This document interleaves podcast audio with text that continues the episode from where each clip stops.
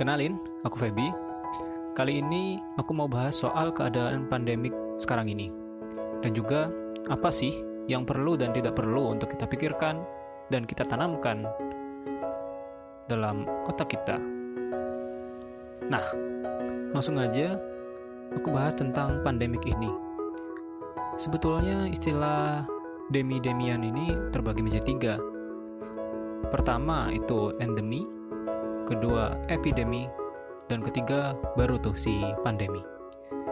Bedanya ya endemi itu lingkupnya cuma di satu kawasan kecil. Kalau epidemi itu lebih luas, bisa negara. Kalau pandemi itu udah sedunia. Pandemi ini biasanya muncul gara-gara penyakit menular seperti SARS, COVID sekarang ini, dulu juga ada flu Spanyol, dan lain-lain. Nah, karena ini emang terjadi di seluruh dunia, jadi akan jadi hal wajar apabila muncul kebiasaan baru untuk beradaptasi dengan lingkungan yang sekarang ini. Beberapa yang aku tahu sih kayak cuci tangan pakai sabun terus, nggak boleh nyentuh-nyentuh muka sembarangan, jaga jarak dengan orang lain, sampai kerja dan belajar secara online. Kondisi-kondisi itu memaksa diri kita untuk mengubah kebiasaan lama kita menjadi kebiasaan yang baru, mengikuti perubahan-perubahan sedunia itu. Masalahnya, banyak dari kita yang belum bisa menerima perubahan mendadak ini atau keadaan krisis ini. Banyak dari kita yang masih terjebak dalam romantisme masa lalu. Tepatnya baru sebulan yang lalu sih. Kita masih ingin keluar main terus, kita masih meremehkan si virusnya. Kita masih denial lah intinya itu. Denial masih penolakan terus dalam diri kita. Dan mungkin akan sering terlihat orang-orang yang ngomong pengen deh kayak dulu lagi sebelum wabah. Man itu nggak mungkin. Kalau kita udah dicekokin sama kebiasaan baru meskipun dengan paksa yakin deh nggak bakal bisa kayak dulu lagi. Pilih aja, mau adaptasi atau tertinggal. Kayak kasus Nokia dulu. Karena udah kuat, mereka nggak mau tuh ikut-ikutan tren. Pakai smartphone, Android, dan lain-lain. Akhirnya apa? Hilang kan? Bangkrut mereka kan? Baru muncul lagi setelah mereka mulai mengadopsi sistem operasi baru itu. Saat mereka sudah mulai beradaptasi. Tapi kita kan bahkan dulu sebelum wabah aja kita bukan orang yang berdampak luas manfaatnya seperti Nokia. Kalau ketinggalan, aku sih yakin nggak bakal bisa ngejar.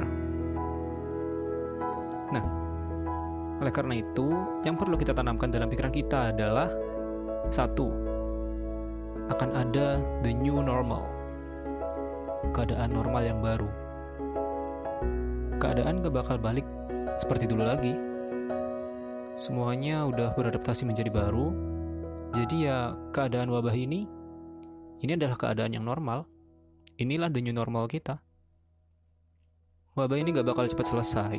Bahkan bakalan berbulan-bulan. Atau bahkan setahun dua tahun entah sampai kapan. Kalaupun dibilang puncaknya itu bulan Juni atau bulan Agustus atau bulan Mei ya itu puncaknya. Habis itu turun dan stagnan. Bukan habis. Nggak akan habis sebelum ditemukan vaksin. Dan vaksin itu sendiri bakal bisa ketemu butuh waktu satu setengah tahun lagi kira-kira. Jadi, daripada kita terjebak di masa lalu, marilah kita move on. Berbuat lagi dengan keadaan the new normal ini. Yang kedua, banyak hal yang bisa kita eksplor lagi potensinya. Diri ini banyak dibekali kemampuan yang luar biasa oleh Sang Pencipta. Jangan mentok kemampuan yang kalian punya dulu, sebulan yang lalu ya. Coba lihat keadaan sekarang dan cari ide apa yang bisa kalian punya. Terakhir, eksekusi. Insya Allah akan jadi hal yang tidak akan kalian duga sebelumnya, akan jadi manfaat yang baru. Ketiga, manfaatkan, manfaatin kedekatan dengan keluarga sekarang. Tentu ini buat kalian yang lagi di rumah bareng keluarga ya. Bagi kalian yang pulang dan bersama keluarga, inilah saatnya kalian bisa intens berkomunikasi dengan mereka. Kalau sebelumnya kalian tidak terbuka dan lebih nyaman cerita dengan teman atau siapa pun yang lain, sekarang cobalah mulai terbuka dengan keluarga.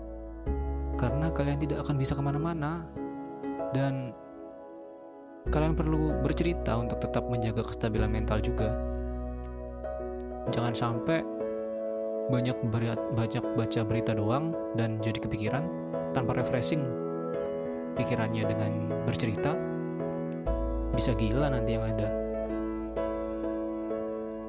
Terakhir, yang keempat, manfaatkan kelas-kelas online yang ada. Karena banyak tokoh hebat yang sering ngisi kelas-kelas online gratis. Jangan disia-siakan kesempatan itu. Saya sendiri adalah termasuk orang yang sangat alergi dengan webinar atau meeting online atau kelas-kelas online. Tapi akhir-akhir ini saya mulai beradaptasi dan menerima the new normal tadi. Jadi daripada membusuk terpuruk, ya udah manfaatkan aja kesempatan yang baru ini dan tetap berkembang. Lalu, hal apa yang perlu kita buang dari pikiran? Cuma satu. Jangan nanti perubahan. Jangan menolak hidayah dari Sang Pencipta. Keadaan ini, krisis ini, terjadi pasti untuk memberikan kita pelajaran yang baru. Yakin deh. Jangan sok pintar dan jangan nolak pelajaran ini. Ambil pelajaran sebanyak mungkin. Jadilah orang yang, kalau kata Steve Jobs, pendiri Apple itu, tetap lapar terus, masuknya lapar ilmu dan tetap bodoh, supaya kita tetap bisa belajar hal-hal baru. Sekian dari saya, semoga pikiran kita tetap jalan dan gak mandek. Stay produktif.